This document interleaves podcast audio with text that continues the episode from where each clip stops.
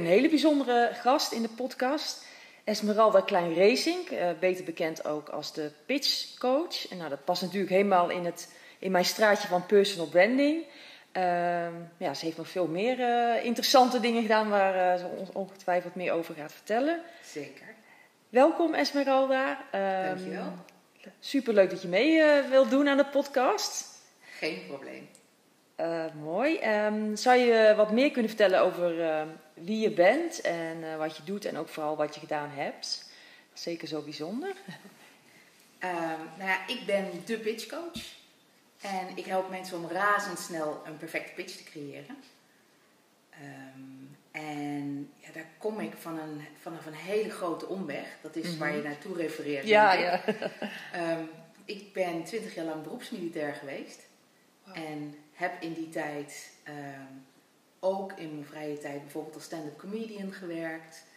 Um, en uh, heel veel als keynote speaker opgetreden. Ik heb een eigen boek geschreven. En eigenlijk komen al die dingen komen allemaal samen in wat ik nu doe. Pitchcoachen. Dat is echt een rode draad. Ja, ja. Prachtig. En um, en waarom heb je destijds uh, daarvoor gekozen om uh, bij de luchtmacht, was het meen ik, hè, waar je als militair hebt gewerkt? Ik heb de meeste tijd bij de luchtmacht doorgebracht. Mm -hmm. Ik ben in de tijd, toen ik van het VWO kwam, um, nou, ik wist dat ik leiderschap leuk vond. Ik was voorzitter van de schoolkrant, de leerlingenraad. dus leiding geven, dat was wel een dingetje voor me. En ik was helemaal gek op klassiek ballet. Dus ik had ook zoiets van, ja, ik zou eigenlijk ook wel vier jaar lang naar de balletacademie willen.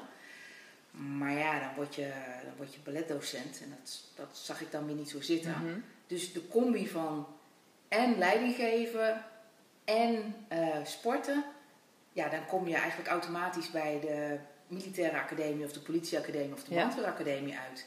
En ik wilde heel graag naar de, naar de uh, defensieacademie. Maar dat lag niet zo voor de hand, denk, denk ik. Of, uh...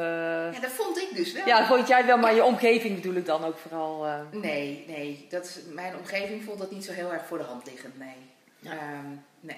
Zeker als je VWO hebt gedaan, is de, voor heel veel mensen de meest logische stap dat ze een studie uh, gaan doen. Maar dat is de KMA ook. De oh, okay. Koninklijke ja. Militaire Academie, dat is ook een studie. Daar krijg je een bachelor voor. Uh, is een universiteit, is gewoon een universiteit. Dus, um, Oké. Okay. Ja, niet in de tijd dat ik er naartoe ging hoor. Dat maar nu inmiddels wel. Maar tegenwoordig wel.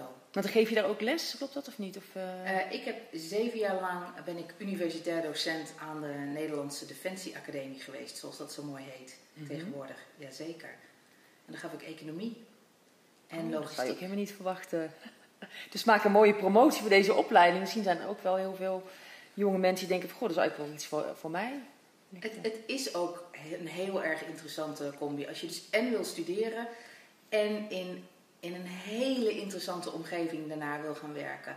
Waar je met politiek te maken hebt, met uh, fysiek bezig zijn, maar ook gewoon je eigen professionaliteit moet inzetten. Of dat nou op het gebied van logistiek of economie of wat dan ook is. Mm -hmm. En, en um, uh, ja, wij, wij, leven natuurlijk in Nederland in, in, in een soort van vrede. um, in hoeverre is dat een soort van ja, ja, zwaard van Damocles klinkt een beetje te heftig misschien, maar je, je, kunt ook uitgezonden worden. Hoe, hoe ga je daar dan mee, mee om? Nou, dat is geen zwaard van Damocles voor militairen. Dat is datgene waar je al die jaren yes, voor... is dat eigenlijk meer. Dat is, dat is de yes, ja. Dat is waar je al die jaren voor hebt getraind. Waar je, waar je naartoe werkt. Dat, mm -hmm. is, ja, dat, dat is geen zwaard van Damocles. Tenzij je uh, heel vaak op uitzending moet gaan, dan word je het op een gegeven moment zat. Mm -hmm. Maar uh, een uitzending, ja, dat moet je wel, dat moet je wel willen. Als je dat niet ja. wilt, moet je geen militair Nee, dus worden. ik zou, ik hoef niet bij de, in militair, als militair aan de slag, denk ik. Nee, als jij, uh, als je het als een zwaard van Damocles Ja, dat is geen goed teken. Nee, nee, nee dan blijf ik lekker doen wat ik nu doe. Ja. Nee, ik heb dus ook een boek geschreven over mijn ervaringen op ja? uitzending. Mijn eerste uitzending was naar Afghanistan.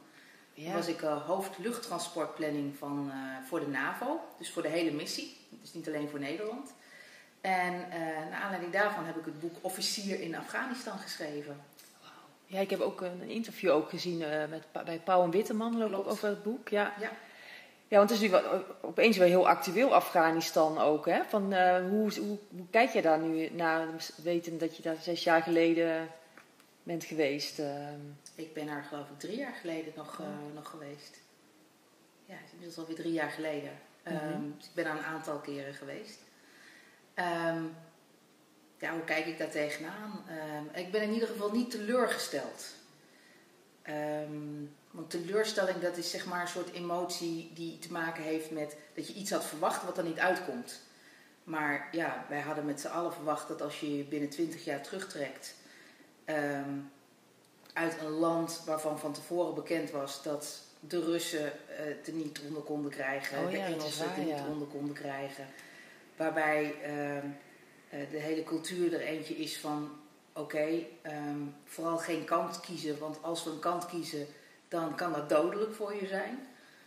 Uh, ja, uh, uit alles, maar dan ook alles, wisten we van tevoren dat als je je binnen korte tijd uh, zou terugtrekken, dat dat, dat dat niet zou gaan werken. Nee. Dus ik ben niet teleurgesteld, maar ik vind het wel heel verdrietig. Ja. En met name voor, voor al die, die, die vrouwen en meisjes daar die zometeen nou, onder de Taliban echt niets dat meer zijn de echte slachtoffers. Ja, ja, ja. Ja. Ja, ik kwam ook, eh, je had het ook over een, uh, een boerka, of dat je ook toen gewond was of ziek was. Uh... Ja, ik, ik, was, op een gegeven moment was ik, uh, ik had waarschijnlijk een blinde darmontsteking. Wow. En ehm, nou, dan moet je dus naar het, het dichtstbijzijnde militaire ziekenhuis. Nou, dat is vijf kilometer uit de buurt, dus op het Mhm. vliegveld, het militaire vliegveld. Maar vijf kilometer is in zo'n hele gevaarlijke oorlogsgebied, is dat best wel een eindje. Dus dat, je gaat niet met een ambulance of zo. Nee, er moet uh, transport worden geregeld, er moet beveiliging geregeld worden, van alles en nog wat. Dus wij gaan met een aantal auto's daar naartoe. Ik zit helemaal ziek achterin met mijn emmertje naast me, want ik moest om alles ongeveer overgeven. Hobbel, hobbel. Uh, Hobbel, hobbel, alles deed pijn. Voel het gewoon als je het vertelt. Oh, vreselijk. En stom toevallig was zowel de beveiliger die bij mij in de auto zat, was een vrouwelijke militair. En de chauffeur bij mijn auto was stom toevallig een vrouwelijke Hmm. militair. Dus stom toevallig zaten wij met drie vrouwen in, mili militairen in de auto. En uh, we staan in dat Afghaanse verkeer in Kabul, het is nogal druk. En op een gegeven moment we rijden langzaam en er komt een jongetje van een jaar of acht, tien naar onze auto toe rennen. En die klopt op de ramen en die roept tegen ons uh, dat wij een burka aan moeten trekken. Ja. En op dat moment dacht ik echt van, serieus, dan lig ik hier te creperen voor jou. En dan ga Ja. jij mij vertellen dat ik me moet bedekken. Dat Ja. ik dat. En, en even voor de duidelijkheid, ik, er was niets van mij te zien behalve een gezicht en handen. Want de rest was allemaal in militaire outfit bedekt. Mhm. Lange mouwen, helm op. En, en dat was het moment dat ik dacht, maar nou begrijp ik wat het betekent om een burka te dragen. Want dan word je namelijk gezichtsloos Mhm. en stemloos en, en daarmee betekenisloos. Ja. Dan doe je er niet toe eigenlijk. Nee. Nee. nee. Je, doet, je moet bedekt Ja. worden. En ik lag, ik lag daar te creperen om zijn land te herstellen. Ik denk, nou, lekker is dat. Ja, dat is wel een, een, eye-opener wat dat betreft. Ja, hè? De- ja. ja. en dan komt het in één keer heel dichtbij. Dan wordt het heel Ja. persoonlijk. ja. Ja, En eh, ja, helaas is dat nog, eh, of dat komt dat weer. eh, dat zal, dat zal in volle heftigheid weer terugkeren, ja. ja, echt heel. ja, spijtig. En eh, je had het net ook over emoties. In hoeverre kun je. mogen militairen ook hun emoties tonen? Of is dat not done? Of. ehm, Nou, het is niet nat dan. Maar militairen vinden dat wel lastig. mhm. Ehm, maar je maakt zulke heftige dingen mee dat op het moment dat je die emoties helemaal niet toont en helemaal niet uit, ja, dan, eh, dan gaat het aan je vreten en dan ga je er eh, echt aan kapot. Dat, dat is een goede manier om PTSS te krijgen. Ja, ja, precies. Post-traumatic Ja. stress syndrome. Dus ehm, ja, die mag je zeker wel tonen. Maar dat doen we graag in een, in een veilige omgeving. Ja. Ik kan me een keer herinneren. ehm, we hadden een, eh, een bijeenkomst op de militaire academie. Eh, het was een introductiebijeenkomst aan het begin van het academisch jaar. En om ook dat ook dat militaire gevoel te doen, hadden we een, een aantal mensen uitgenodigd die op uitzending waren geweest. Iemand die net van de militaire academie afkomstig was geweest ehm, en in een heel, heftig, uh, heel heftige situatie terecht was gekomen. En de, de, de man die, die dat, een van de leidinggevenden tijdens die grote operatie, een uh, luitenant-kolonel. En die twee vertelden allebei hun kant van het verhaal, van wat daar was Mhm. gebeurd, waarbij twee mensen waren overleden. Waaronder dus eh, de, eh, de vriend eh, van die luitenant. Zijn beste vriend. En tijdens dat verhaal dat verteld werd door die twee, hoorde je de, de, de, hoorde je de emotie in de stem van die luitenant. Je Mhm. hoorde dat hij, ook al had hij dat verhaal al heel vaak verteld, dat hij nog steeds net op het punt van niet huilen. En er werd ook uit de, vraag, uit de zaal eh, gevraagd naar, en hoe beleef je dat? En die vertelde echt over alle gevoelens en de emoties en de gedachten die daarbij opkwamen. En hoe hij ermee wilde stoppen. Maar dat, dat kon niet, want hij moest doorgaan voor zijn mannen en voor de missie. En nou, fantastisch verhaal. En op een gegeven moment komt er uit de zaal, en dat zal ik nooit vergeten, vond ik een geweldige vraag. Kwam er uit de zaal, uit een van die jonge kadetten, die stelde de vraag: Maar luitenant, eh, luitenant-kolonel, dus dat was die, die, die, die hoge man, wanneer heeft u nou eigenlijk gehuild? Want eh, die man die bleef zo afstandelijk en zo dat je denkt van ja, maar die heeft toch ook van alles Alsof het hem niet gebeurd was. Of, Ja, Mhm. dus die zaal die had echt zoiets van, dit is zo raar. En die man die, eh, die staat op en die zegt, ja, ja daar had ik eh, twee dagen later de tijd voor. Het was een eh, uurtje of negen s'avonds. Uh, er was niemand op mijn kamer. Meestal slapen ze van die rang met z'n twee op een kamer. Eh, er was niemand op mijn kamer. En toen had ik even een moment voor mezelf. Was de ergste hectiek was weg. En toen ben ik even gaan zitten op mijn bed. En heb ik eens even een flink, eh, flink gehuild. Dat was het eerste moment dat ik daar de tijd voor had. Dus ja, militairen mogen absoluut huilen. En doen dat ook. Ja, maar zodra je even de kraan open en dicht of heel gedoseerd of... eh, Hij liet zien dat Ja. je dat dus absoluut doet. Maar op een moment dat voor hem passend was. Ja. ja, nou, waarom Ja. niet? Ja, dat is ook inderdaad... Ik vond dat eh, heel mooi. Ja, niet omdat een ander dat van je verwacht of op dat moment, maar ja, zeker heel mooi. Ja. Dus Maar wel eh, gedaan. Ja. je vraag, mogen, Ja. mogen militairen emotie tonen? ja, Absoluut. Dat moeten ze zelfs. ja. En kun je dan ook zeggen dat er, dat er ook wel, eh, want je hebt natuurlijk een uniform, eh, je ziet er min of meer allemaal hetzelfde uit. Is er ook wel ehm, ja, ruimte voor het individu? Mag je ook je eigen persoonlijkheid laten zien of liever niet? Of, ehm, Jazeker. mhm. We blijven namelijk gewoon mensen in uniform. Ja. Ehm, en ja, ik persoonlijk vind een uniform geweldig.